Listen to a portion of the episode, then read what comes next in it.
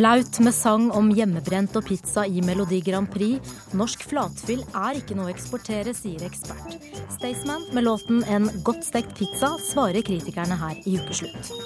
Flere avhoppere fra kristne menighetsmiljøer sliter psykisk. Vi har snakket med en av dem. Jeg er fortsatt redd for å komme til helvete. Nå har det snart gått et år. Og dyredrap på TV provoserer. Det er som en togulykke i sakte film, sier komiker Christer Torjussen. Dette er ukeslutt med Rima Iraki, og her skal vi også snakke om ting vi ikke liker å snakke om, tabuer. Men først en nyhetsoppdatering med Tonje Grimstad. Politiet avviste varsleren Robin Scheffers innvendinger i Monica-saken punkt for punkt, viser et internt notat. Den avgjørende konklusjonen i notatet som Bergens Tidende har fått tilgang til, er at det ikke var spor etter noen straffbar handling da åtteåringen Monica Sviglinskaja ble funnet død 14.11.2011 med et belte rundt halsen. Schæfer skrev i sin varsling at det er svært uvanlig at så unge barn tar livet av seg, men politietterforskeren bak notatet hevder at det skal være være langt vanligere i Øst-Europa. Videre skriver etterforskeren at det mest sannsynlige er at moren fant datteren hengt og deretter fingerte et innbrudd pga. skam, kultur eller religion. Syklonen som rammet øystaten Vanuatu i natt, skal være blant de verste i Stillehavet noensinne. Det sier Vivien Maidaborn, som er en av sjefene i FNs barnefond. Det er til sammen 82 øyer i øystaten, og det kommer meldinger om at områder er totalt ødelagt i uværet. I løpet av 72 timer vil irakiske styrker ha gjenerobret den IS-kontrollerte byen Tikrit, ifølge en talsperson for, for de frivillige styrkene. De siste IS-krigerne i byens sentrum er omringet fra alle sider, sier Karim al-Nouri, en toppleder fra Bader-militsen. En rekke medier har i flere dager meldt om at IS-opprørere taper terreng i Tikrit. Nå fortsetter ukeslutt. Ja, Det var en smakebit av en godt stekt pizza, en av låtene du får høre under kveldens norske Melodi Grand Prix-finale. Men er det flatfyll, pizza og en blodtrimmet traktor som skal representere Norge utad? Nei, mener du, Inge Solmo, som har skrevet bok om Melodi Grand Prix. Eh, hva tenkte du da du først hørte låten om med Staysman og Lass? Jeg bare ble flau det her er Altså, den har en eh, partyfaktor i melodilinja si og alt det her, men det er Når du begynner å høre på det her, det er bare flaut. Det er skammelig. Det å forherlige flatfyll. Det er rett og slett en seksualisert sang, spesielt når du ser på videoen. Men det har jo ikke eh, NRK noe kontroll på, som er blitt uttalt eh, i media tidligere. Og det er jo riktig, men likevel, det her er ingenting. Det er ikke engang humoristisk. Men låten har fått uh, terningkast én i dagens Aftenposten. og Likevel så er den ganske populær blant folk. Flere hundre tusen har hørt den på nettet. Hva er det som er så farlig om den vinner? Det er vel ikke så farlig om den vinner, men, men, men de skal jo ha en presentasjonsvideo også. og så Den blir oversatt til fagjuryene til uh, sine språk og alt det her for at du, skal forstå hva de synger. Det, det, det, er bare rett og slett så, som vi sier i Norge, det er så harry, og det er så bondsk, og det er så lite kultivert. Og ikke det at jeg skal være fisefin og bestemme hva folk skal like og ikke like. Nå har vi et danseband også med, som mange folk liker, men det er jo en helt annen sjanger for det. For det her er bare rølp, og de har vært med på Paradise Hotel, og vi vet hva Paradise Paradise Hotel dreier seg om, det er om å ha sex i løpet av de første kvarteret på sendinga. Jeg syns det her er skammelig. Og skal vi fylle folk med sånn her form for underholdningskultur? Nei, takke og farvel. Og det er mange land som faktisk har vurdert å trekke seg på grunn av at det er blitt for mye eh, tull og vås i Grand Prix-sammenhengen. Vi skal slippe til Stian Malme, du er prosjektleder for Grand Prix og skal straks ned på prøvene. Men før det så må du jo svare på denne kritikken. Hvorfor har dere valgt en låt som handler om flatfyll? Du, vi, har, eh, vi, har, valgt å ha med en sjanger som er veldig veldig populær i Norge, og det er den type partysjanger. Det ser vi spesifikt på alle lyttetallene denne type låter får, og det er stort sett alltid en sånn låt som er en stor sommerhit i Norge.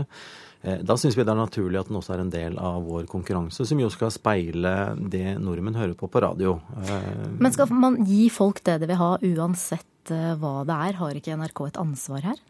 Men nå er det jo også sånn at uh, Melodi Grand Prix er et stort demokrati. Det er kun seerne som bestemmer hva vi skal sende til Østerrike. Og uh, hvis flest mennesker liker den låta, så er det jo den Norge har valgt. Inge Solmo, folk liker låta, og kan vi ikke bare få lov til å være harry, da? Jo, man kan godt få lov til å være harry, men nå er det mange som klikker seg inn på ren porno også her i Norge. Men det betyr jo ikke at man skal promotere alt som foregår i, i de tusen hjem.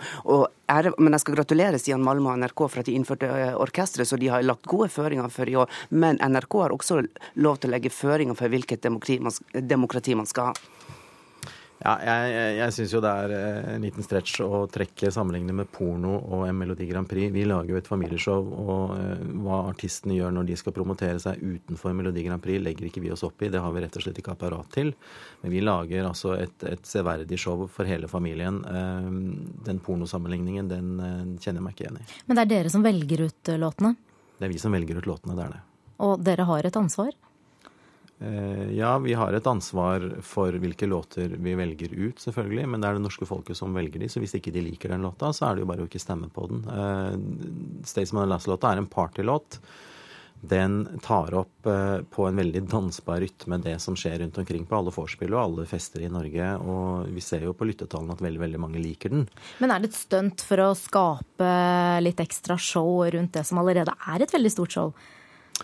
Eh, nei, det er ikke et stunt. Det er eh, rett og slett bare å vise fram én sjanger som viser seg å være veldig populær i, i Norge. Det kunne også f.eks. vært en låt av Salsa Tequila som også var en tullelåt og en partylåt. Nå ble det en låt som hadde et litt annet budskap fra Staysman Lass, men, men eh, vi får nå se åssen det går i kveld. Det er Norge som skal velge, og vi skal alle stå bak låta når vi sender den. Så jeg regner med at beste låt vinner, jeg. Ja, Solmo, det er jo bare en sang. Eh, hva tenker du om det?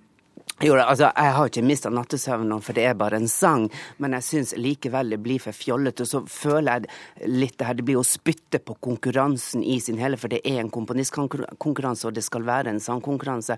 Og når du kommer med en sånn type låt, så blir jeg bare svett. Og de her polske damene i fjor som satt med rene masturber uh, masturberingsøvelsene på scenen, jeg syns ikke det har noe i en komponist-sangkonkurranse å gjøre. Og jeg har ikke dårlig humoristisk sans, og jeg er veldig glad i Madonna også. Så det er ikke det at jeg er prippen. Ja, du skal slippe å svare for eh, det polske innslaget, men mange artister bruker masse tid og krefter på låtene for å imponere den internasjonale juryen. Tror du at de seriøse aktørene vil fortsette å delta fremover når de ser at låter om hjemmebrent og blandevann stjeler showet som det har gjort til nå?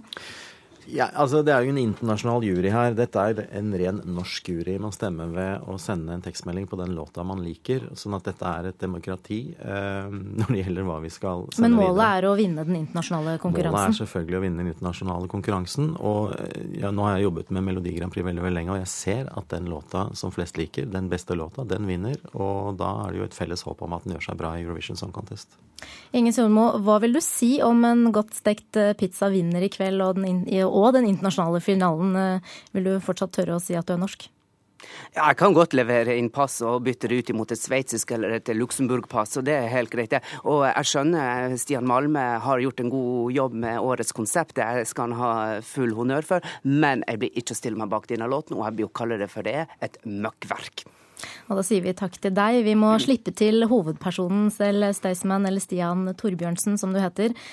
Sangen deres er for rølpete til å representere Norge, mener kritikerne. Hva tenker du om det? Uh, ja. Altså, Vi lager jo vår greie, og vi har alltid gjort det. Vi lager enkel uh, musikk som er uh, utelukkende mynta på folk som sitter på fest. Men Hva er budskapet deres?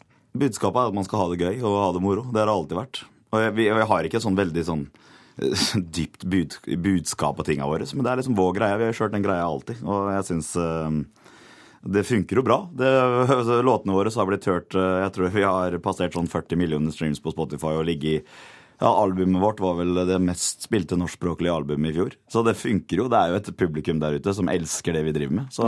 Og så har du noen som ikke liker det. Hva sier du til kritikerne? Nei, men Sånn er det jo bare. Og jeg vet at eh, altså, Musikken jeg lager, den, den liker ikke musikkanmeldere. Og det syns jo vi er veldig gøy. For, for oss er jo terningkast én det samme som seks. For våre sjanger er nå engang sånn at den skal høste lave kritikere, kritikk. Ellers hadde det blitt det blitt gærent overfor fansen våre. De hadde jo fått sjokk hvis vi brått fikk terningkast seks og sånne ting. Så vi lager Musikkjournalister hater det, folket elsker det, og det er jo det vi driver med. Men Melodi Grand Prix er et familieprogram. Tenker du på at barn hører på det dere synger om? Ja, altså, Jeg har jo vært og spilt konserter for barn med, i forbindelse med VG-lista Topp 20, og barn hører på det vi synger om. Eh, ikke, men, men dere na, synger om fyll og Ja, men akkurat der har jeg faktisk en del sterke meninger. Fordi jeg ser at eh, Norge hauser opp artister hvorav halvparten av låtene handler om å ta kokain og marihuanamisbruk.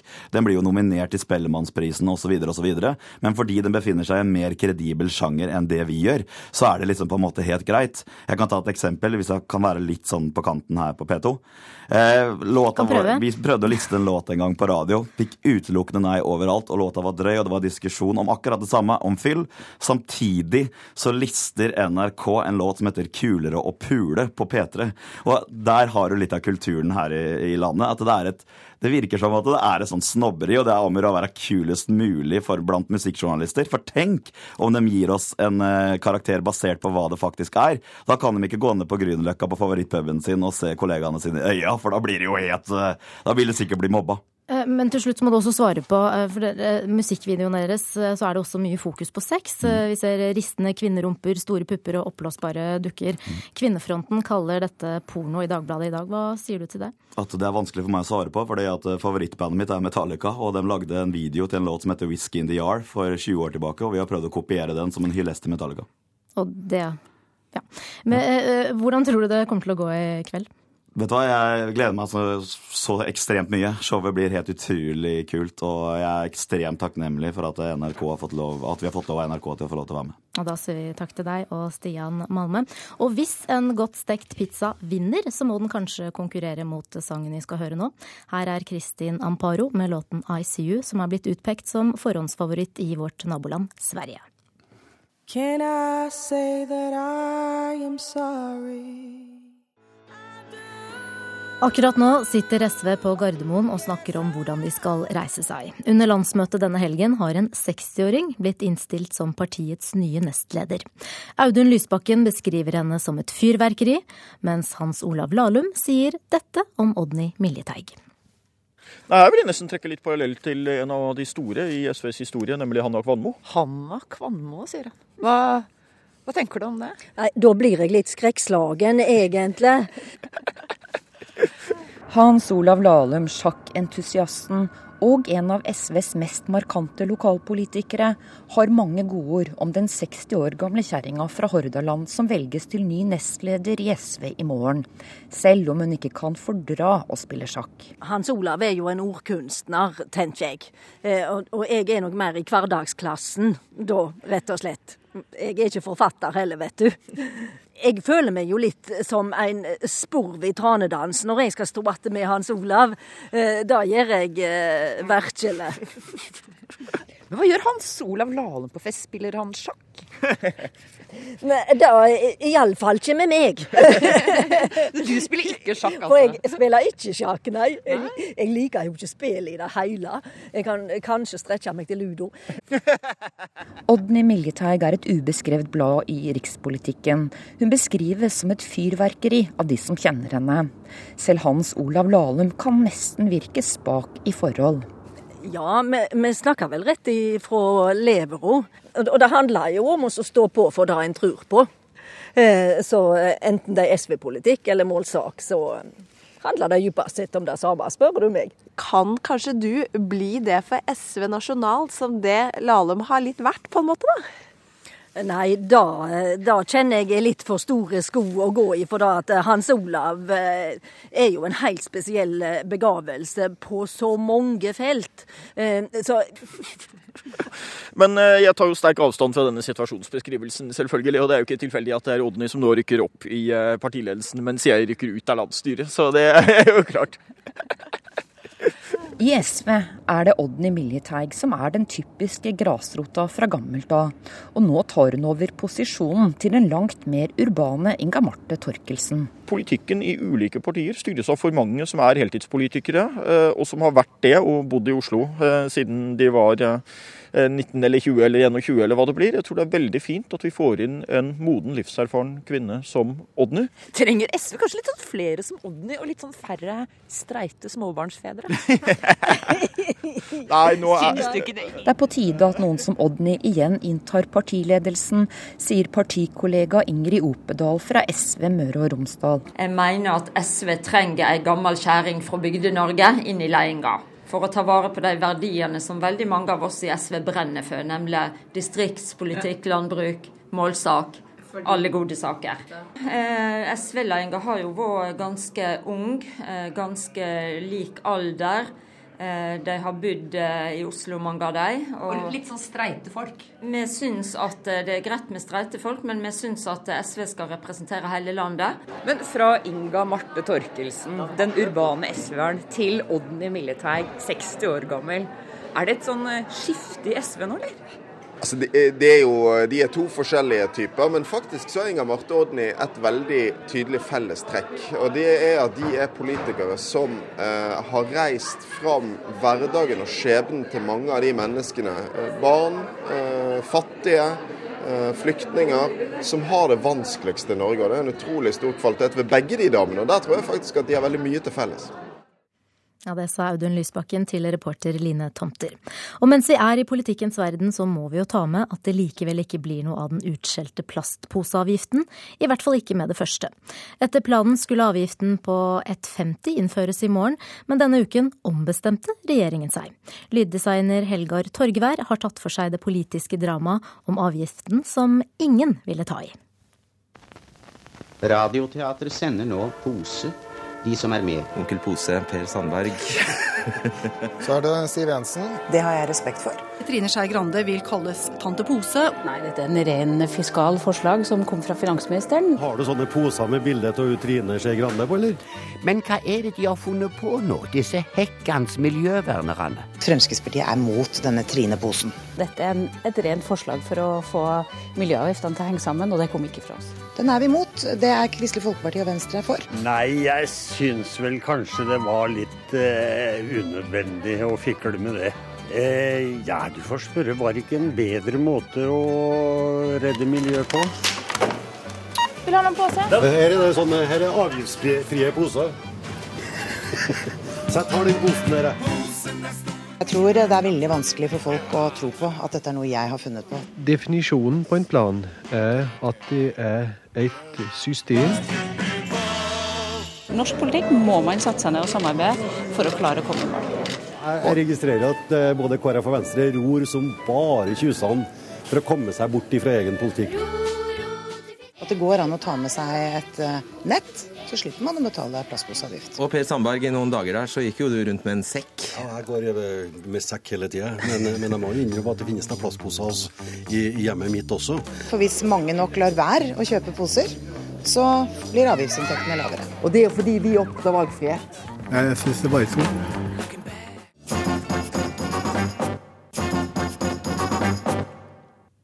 The Lord is going to work special miracles. Herren skal virke med spesielle mirakler. It could be 40,000, 60,000, 80,000. Det kan være 40 000, 60 000, 80 000. The blessing of the Lord Herrens will come upon your entire family. vil komme over hele din familie. Den kristne TV-kanalen Visjon Norge selger Guds velsignelser for store summer, har vi fått høre denne uken.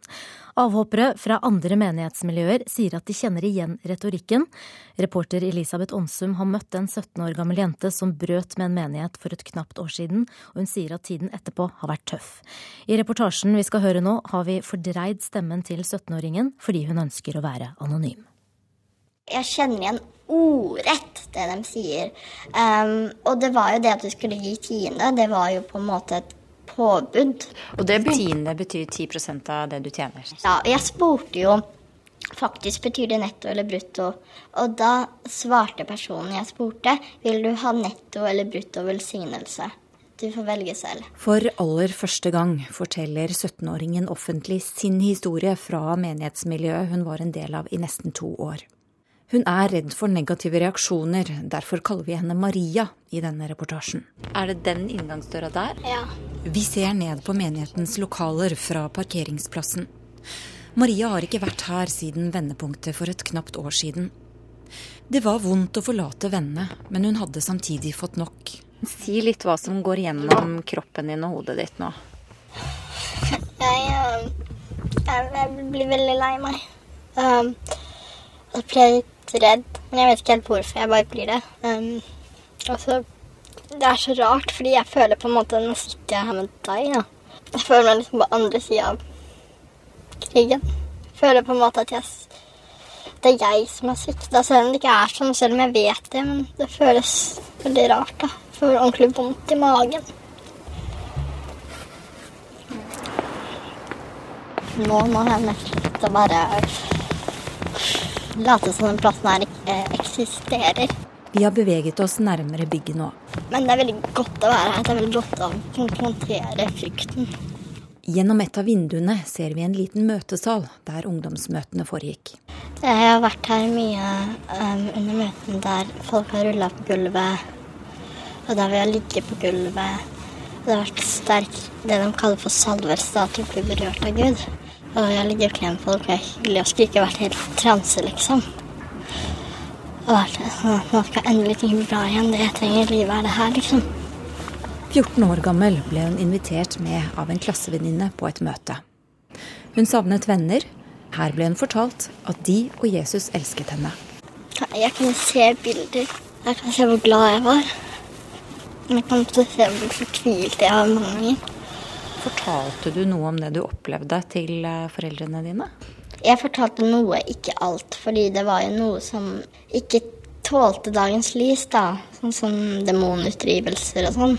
Men så sa de jo også det at det er jo det med den åndelige kampen, at det kan komme tanker fra djevelen og fra Satan og demoner. Og hvis du ikke har kristne foreldre, så kan det være en fristelse der. Da. Eller det kan være sånn at djevelen sender tanker til foreldrene dine for å stoppe deg.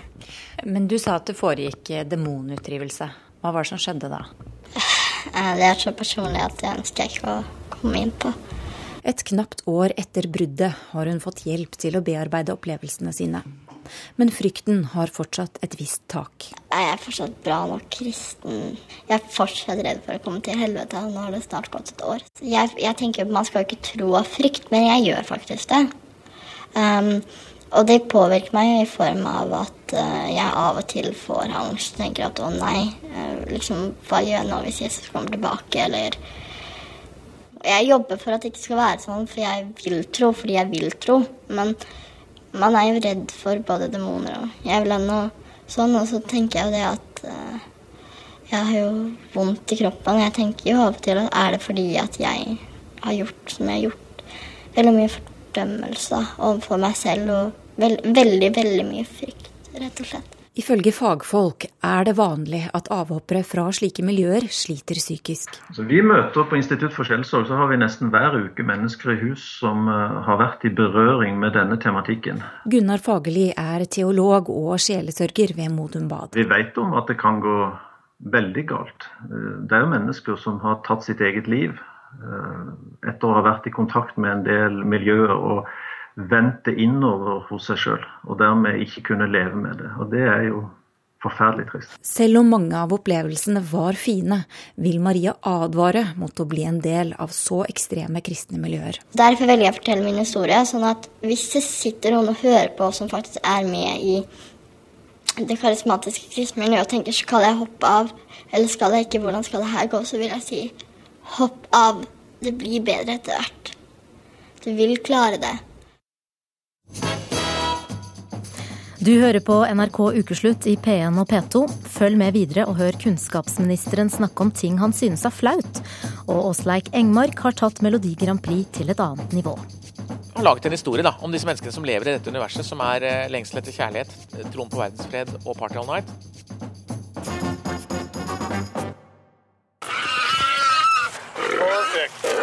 Perfect. Good shot. Det var overraskende lett hvor lett det var å stikke han. Jeg hadde tenkt at du liksom må kjempe litt, og nei, han bare sklei bare inn så. Og grisen døde jo med en gang. Er dette god TV-underholdning, eller er det grotesk dyredrap? I serien Jegertvillingene møter vi Kristine og Johanne Tybe Hansen, som har reist til USA for å drive med jakt. Klippet der en hund går løs på et villsvin før kvinnene til slutt dreper dyret med kniv, har provosert mange, og nå krever de at serien skal tas av luften. Vi har prøvd å få tak i tvillingene uten hell, og Espen Skoland, kommunikasjonsdirektør i TV Norge, hva sier søstrene til deg? Jeg har ikke vært i kontakt med jentene sjøl, men vår produsent eh, Vidar Mathisen har det. Eh, jentene har reist på fjellet nå. Eh, de vil ikke delta i debatten sjøl, og det syns vi er greit. Det er vi som TV-kanal som er ansvarlige for dette programmet. Men de står for det de har gjort, og de opplever jo at de får mange positive tilbakemeldinger. Men de får òg en del kritikk. Noe er saklig, og det respekterer de, som du sa. Men det kommer òg en del hatske personangrep, særlig i form av litt krenkende personkritikk, og det reagerer de på. Mm. Men mange syns at dette er drøyt. Hvorfor vil dere vise dyredrap på TV? Ja, jeg forstår jo i og for seg at folk reagerer. Det er ganske oppsiktsvekkende scene. Men måten det er fremstilt, saken er fremstilt på, mener jeg er blåst ut av proporsjoner. For dette underholdningsdimensjonen her ligger jo ikke i jakt i seg sjøl. Den ligger jo i det møtet jentene har med en ny jaktkultur, med den amerikanske kulturen.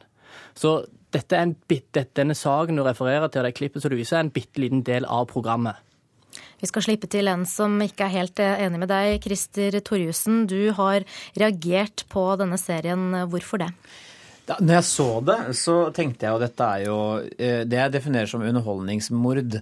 Noe man kanskje leter i de grumsete hjørnene av internett for å finne. Eh, så det var sånn litt sjokkerende, egentlig. Men som du sier, dette er jo muligens blåst ut av proporsjoner, for det handler om jentenes møte med en amerikansk jaktkultur. Men da tenker jeg er TV Norge på Jeg syns ikke det kommer fram i serien, da. At dette Det er jo ikke noe verken kritisk øye på hva de gjør, eh, i form av at vi ser jo dette skje, eh, som er for så vidt en gammel sånn tradisjon hvor eh, rike mennesker sender hundene i bresjen for å slippe å bli skitne på eh, og ta tak sjøl, og så for å stå, sette bena på trofeet og si 'dette har jeg jakta'.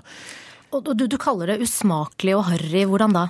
Men det er sånn, dette er så milevis unna hva jaktkultur er i Norge. Vi har jo regler mot sånne ting som det. Ja, det er amerikansk jakt, det er det jo. Men vi vet jo i Norge at det er noe som heter etisk jakt. Jeg øh, har ingenting imot folk som jakter. Jeg kan ingenting om det selv. Men når jeg ser sånne ting, så tenker jeg var det så nødvendig egentlig å vise den sekvensen fordi at jeg måtte snu meg litt vekk, da. Jeg, jeg, jeg, må bare påpeke at jeg mener det er legitimt å dokumentere andre former for jakt enn det norske. Og all form for jakt som skjer i denne serien, skjer jo i tråd med lokale regelverk og under oppsyn av lokale eksperter. Og så er det sånn, ja, vi får se disse jentene drepe dette dyret i første episode. Men det kommer også mer. Vi får også se disse jentene reflektere over dyreetikk, og se at de faktisk motsetter seg enkelte former for jakt. Så jeg forstår at det er, oppblåst, er, blitt blåst opp en diskusjon nå, absolutt. Men jeg mener det kommer mer reflektert innhold etter hvert. Mm. Mm. Sandra Borch, senterpartipolitiker. Du har tidligere sagt at nordmenn har et Disney-forhold til dyr. Brutalt og harry, sier Torjussen. Hva tenker du om det? Nei, jeg, jeg, altså, jakt har vært en del av norsk kultur og også utenlandsk kultur, kultur helt siden mennesker kom til jorda. Og jeg tror jo at veldig mange der ute, som jeg har sagt tidligere, har et litt sånn Disney-forhold til dyr. Man aner ikke eh, Man skal ha biffen i frysedisken, men man aner ikke hvor den kommer ifra. Og for å si det sånn, eh, jeg er oppvokst på gård, og jeg vet at eh, grisen han hyler akkurat like høyt som den, det villsvinet vi hørte hørte på denne TV-serien når han blir slakta. Så jeg tror det her er også av dyrevernorganisasjonene dratt ut av proporsjoner. Og jeg syns eh, det ofte blir usaklige debatter når dyrevernerne snakker. Ja, nå er jo ikke dyrevernerne her for du, Kristi Torjussen. Du er eh, dyrevenn, men du er ikke noe dyreverner. Nei, nei. Men jeg har et spørsmål til Sandra. Syns du det du ser på der på en måte er innafor? Eh, jeg vet at du kjenner jo det norske regelverket godt nok, men syns du det der er en bra ting å vise, da? Altså, Vi har jo hatt dokumentarer på dokumentarer og TV-serier som viser f.eks. elgjakt i Norge.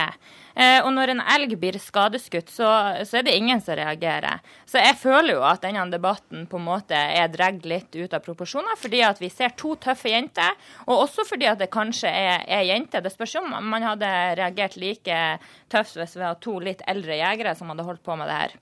Ja, men altså, det, er jo, det er jo ikke et kritisk syn på denne jaktkulturen. Ja vel, det dokumenteres, men det er jo underholdningsform. Ikke sant? Det er ikke noe sånn der se hva de, de, gjør. Dette er jo en veldig Altså, de sender jo ut en pitbull som er armert inn for å holde dyret fast, og så stikker de med en kjempekniv. Eh, jeg tenkte jo når jeg så på det, liksom, hva er det neste? Skal man begynne å skyte koala med flammekaster, liksom? For det er ikke, det ikke innafor, da, mener jeg. Ja, Sandra Borch, hvorfor syns du at dyredrap er god underholdning? For det er jo forskjell på å, å jakte og å gjøre dette til underholdning, for det er jo det det er, mener mange. Jeg syns jo media har spilt opp med å kalle det at eh, man, man dreper for underholdning. Altså, det her er en del av kulturen, det her er en del av vår historie, som jeg mener at man faktisk har godt av å, eh, av å få litt innsyn i. De som vil se på det, får se på det, og de som ikke ønsker å se på det, får finnes en annen TV-kanal å se på. Ja, Torjussen, du trenger jo ikke å se på dette. Nei, og det gjør jeg jo ikke. Men det er jo litt som å se på en togulykke sakte film. Man klarer jo ikke å snu seg helt. Altså, det er jo fordi jeg vet jo som du altså Espen sier, at det kommer en episode nå hvor de på en måte kvier seg og sier at det vil de ikke gjøre. Og jeg har jo ikke noe mot disse jentene. Altså dette er jo Jeg liker jenter med bein i nesa. Nei, for det er det at det blir gjort til underholdning du reagerer på? Ja, det er jo ikke jentene i seg selv. Disse er jo mennesker som er i pakt med naturen og, og Men det der er ikke naturlig form for jakt. Da, men du overreagerer ikke litt da? Du blåser det ikke litt ut av proporsjoner? Jo, det gjør jeg helt sikkert. Men det er fordi jeg ikke liker det jeg ser. Men da bør man jo også reagere på dokumentarer om elgjakt, hjortejakt, måten man f.eks. slakter andre dyr på. Det er jo en naturlig del av TV-hverdagen på veldig mange kanaler. Espen Skoland. Jeg syns det er litt sånn enkel retorikk å si Hvis det er noe man ikke liker på TV, så sier man ofte at man lager underholdning ut av det. Og det er sånn I et fiskeprogram så får en fisk en krok inn i munnen, og så må man kjempe en lang kamp. Men det er liksom ikke fiskens lidelse som er underholdningen. Det er det som er utover det som er underholdningen. Og det er litt sånn her òg. Vi legger ikke opp til at det er drapet som er underholdningen i denne serien. Det er nettopp det møtet de, med to fremmede kulturer som er selve underholdningen her. Men Kommer det tydelig nok fram? At det er møte med to, at det er en helt annen kultur gjør Er det det? Premisset vi har lagt for denne, for denne, serien, er jo at de skal ut på en roadtrip. Altså, Vi har møtt dem i deres eh, eget miljø i NRK-serien eh, Ut i naturen. Nå tar vi dem ut av deres miljø. De skal prøve nye former for jakt, og dette er en av de formene for jakt. Ja, men Her er det jo en konstruert de, altså de sender to hunder, en sporhund og en angrepshund, som holder dyret nede. Så får turisten komme med denne enorme rambokniven og gjøre slutt på livet. Og er Der slår på en måte empatibryteren min inn. da. Jeg vet jo, som Sandra sier, jeg vet at en pølse er ikke noe som man henter ut i naturen og vokser seg fin og stor og handler i butikken. Jeg vet jo at, jeg vet at det er slakting. men det der er Det var på en måte veldig amerikansk og veldig uetisk i forhold til våre regler, da. Espen Skoland, dere hadde ventet reaksjoner på denne serien. Betyr det at dere visste at mye av innholdet var drøyt? Altså, vi, jo, vi har jo sett dette på forhånd, med, og vi visste jo at det var Altså, det er unorsk. Eh, og det er oppsiktsvekkende. Så vi var jo klar over at det, var, det kom nok til å komme reaksjoner. Men, og underholdning, så det er derfor dere ja, går for dette? Ja, i møte med underholdning. Det, det, er det jo. Eh, men at det, at det skulle tas så av, det var vi nok ikke klar over de konsekvensene på. Christer Torjussen, eh, vi hører at flere ønsker å boikotte denne serien. Kommer du til å fortsette å se på den?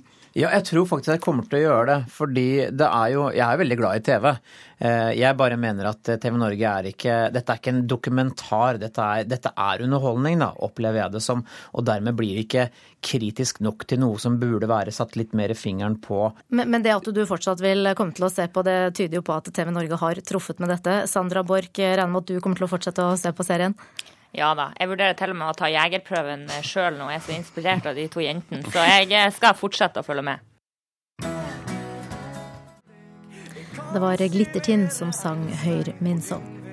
Nå skal det snart bli pinlig her. Vi skal snakke om tabuer, om hva som er greit og ikke så greit å snakke om.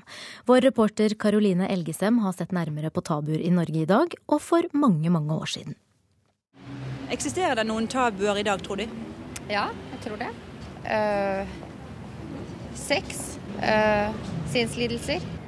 Innen psykiatrien f.eks. Man er redd for uh, enkelte sinnssykdommer, som det populært kalles, psykiatriske tilfeller. Det tør man ikke ta opp, derfor blir det tabu.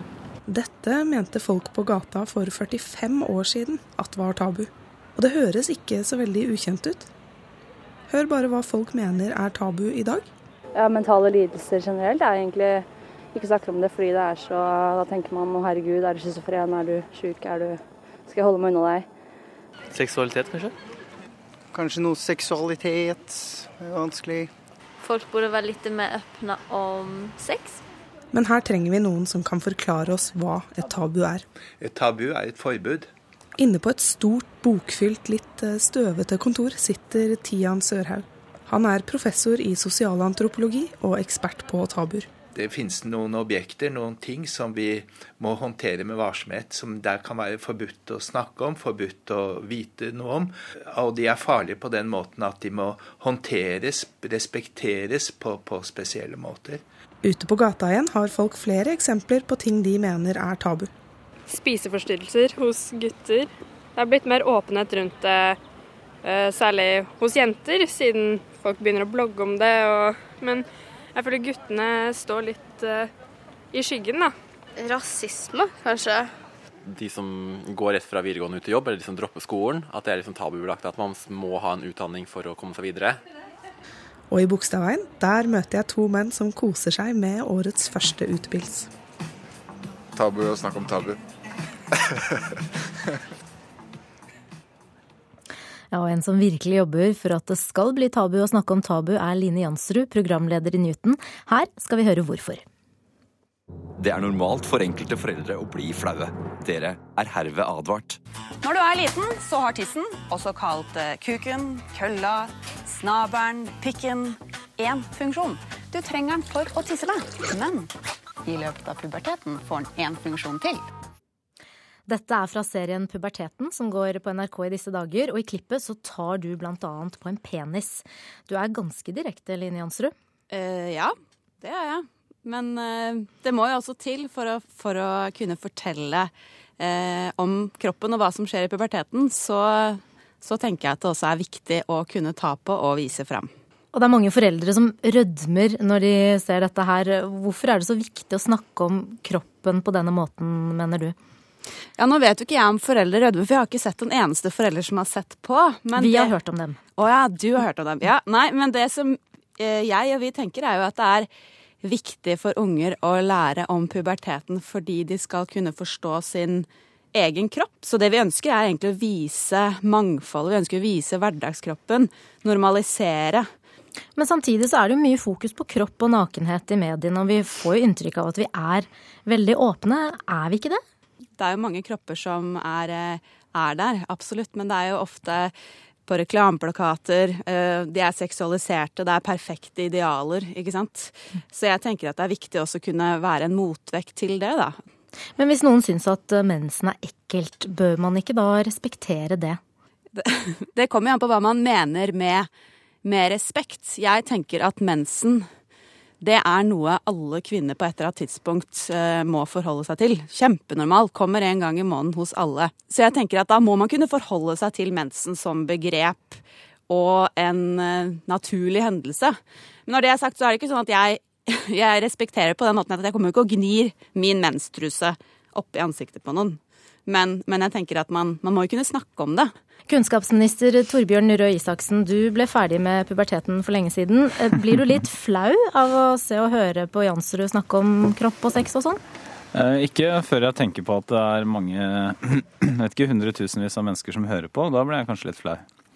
Eh, men jeg syns ikke det er noe flaut i seg selv å snakke om helt normale kroppslige funksjoner. Enten det er menstruasjon eller eller andre ting som skjer med kroppen når man blir tenåring. Men, men jeg syns at Og jeg syns i og for seg det er bra også at, at, NRK har lyst til å lage et litt ordentlig program om ungdom, kropp og seksualitet. Man har jo forsøkt å behandle dette tidligere i NRK. Da syns jeg kanskje det har båret litt mye preg av at man at man, ja, altså man ønsker å være så frislupne at man glemmer at mange av disse spørsmålene henger også sammen med følelser, trygghet, eh, omtanke for hverandre etc. Mm -hmm. Og mange barn eh, har jo ikke den tryggheten i dag. Vi hører at de syns det er flaut å vise frem kroppen eh, i dusjen på skolen. Hvorfor tror du at det har blitt sånn?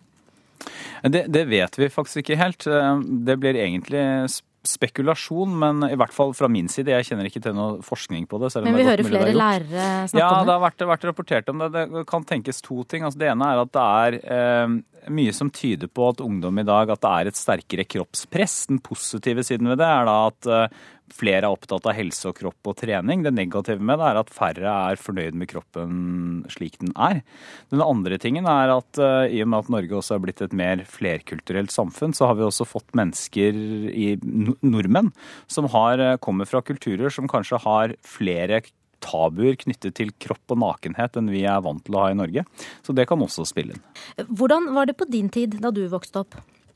Uh, nei, ikke, Jeg kan ikke huske at det var noen sånn spesiell problemstilling. at man, uh, altså Vi dusja etter gymtimene, vi, og det, var, det gjorde vel egentlig alle. Uten at jeg kan huske at det var noe spesielt problem. Eh, hva kan du som kunnskapsminister gjøre for at det skal bli mer normalt å være naken i dusjen?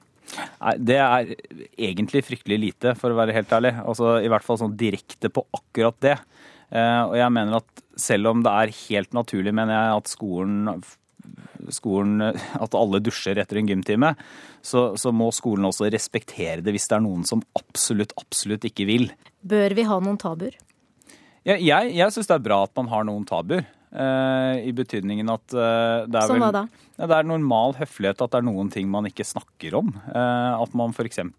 ikke diskuterer intime og private ting med fremmede, f.eks. At man ikke, ikke, bruker et hvilket som helst ord om hva som helst når man er i offentligheten. Hva man gjør akkurat med venner eller inne i Eh, eller hjemme hos seg selv eller på fest eller hva det nå skal være, det er hipp som hatt. Men at det er noen grenser for hva som er greit og ikke greit å si i offentligheten, det syns jeg er helt åpenbart at det burde være. Line Jansrud, hva tenker du om det du hører her?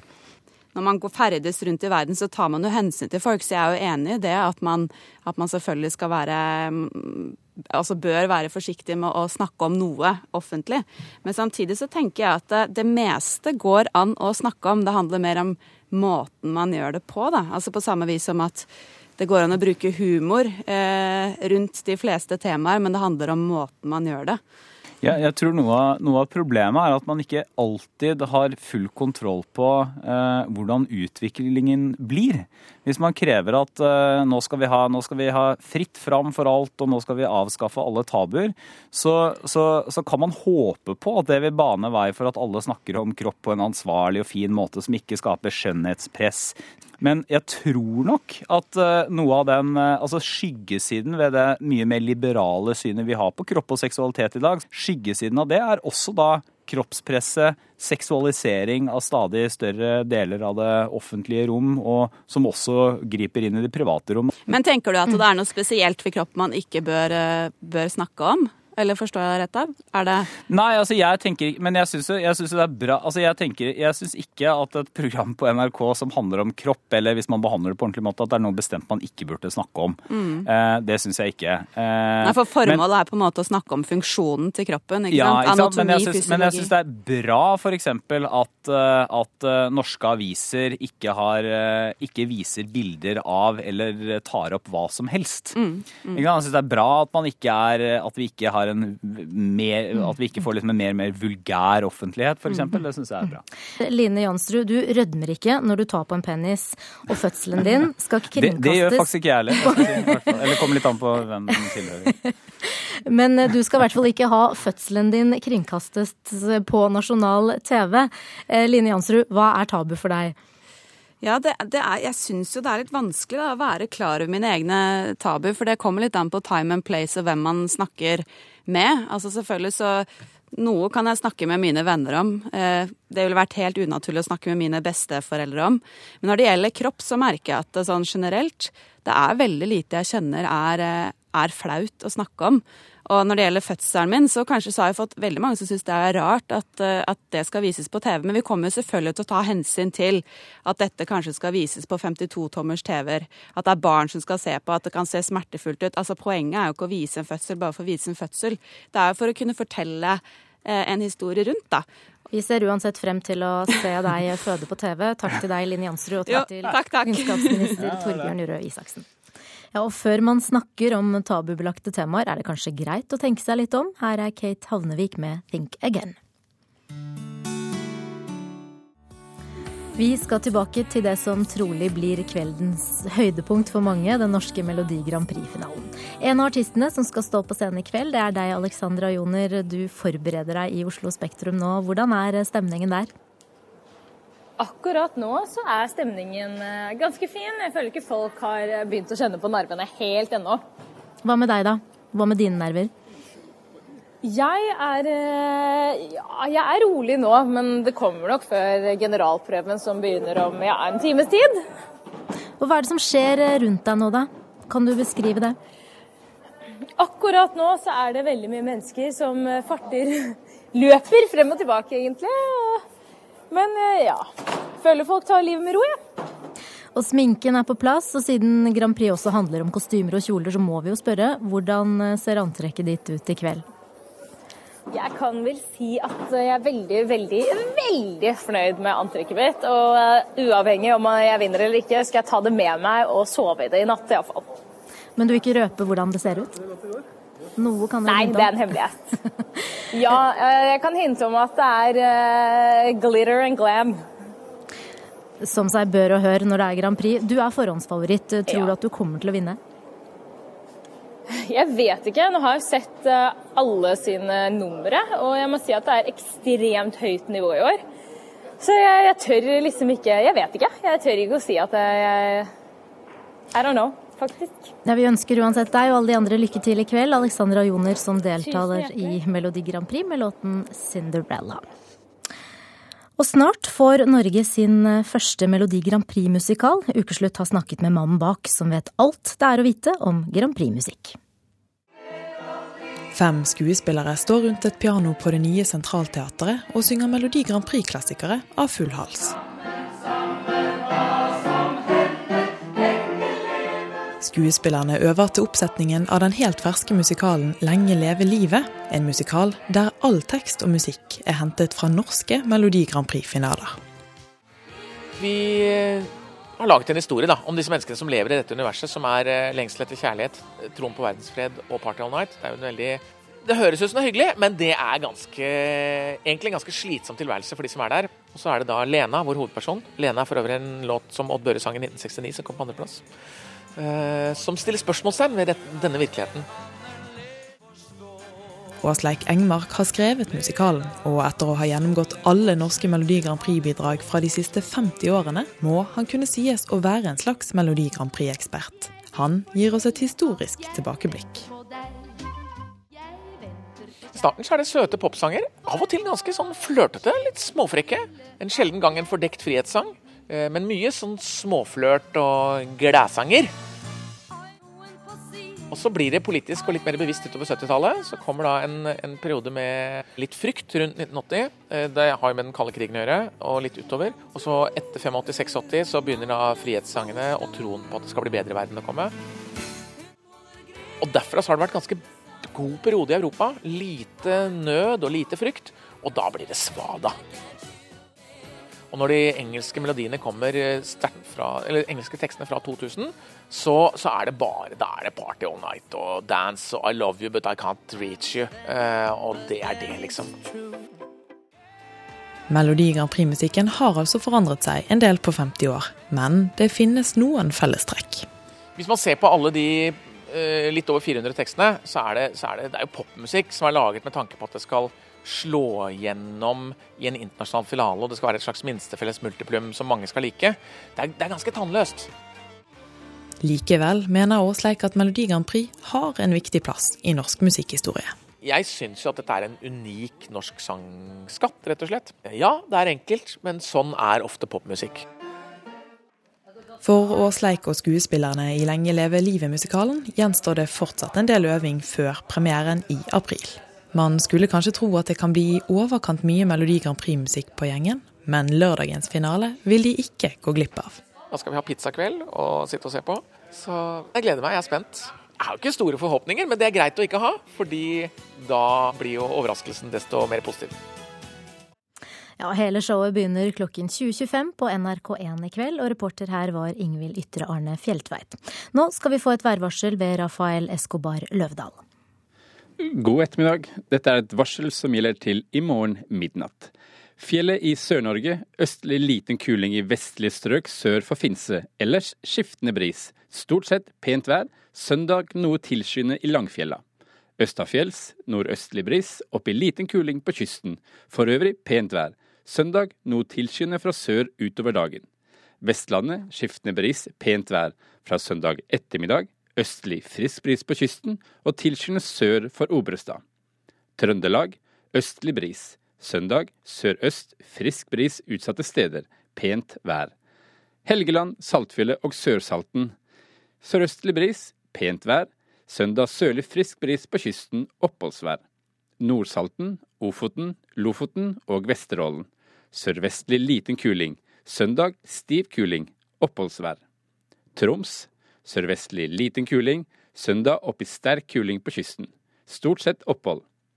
Finnmark, Vestlig liten kuling. Enkelte sluddbyger i ytre strøk, ellers opphold. Søndag sørvest stiv kuling, opp i sterk kuling på kysten i vest. Opphold. Nordensjøland på Spitsbergen. Sørlig frisk bris, stort sett opphold. Søndag sørvestlig liten storm. Sludd og snø, senere snøbyger. Og temperaturvarselet det blir stigende temperatur på Spitsbergen, ellers omtrent uendret temperatur. Og det var varselet her fra Meteorologisk institutt. Og med det var ukeslutt slutt. Ansvarlig for sendingen Kari Li. Teknisk ansvarlig Finn Li. Skript i dag var Lars Christian Rød. Jeg heter Rima Iraki og ønsker deg en god lørdag.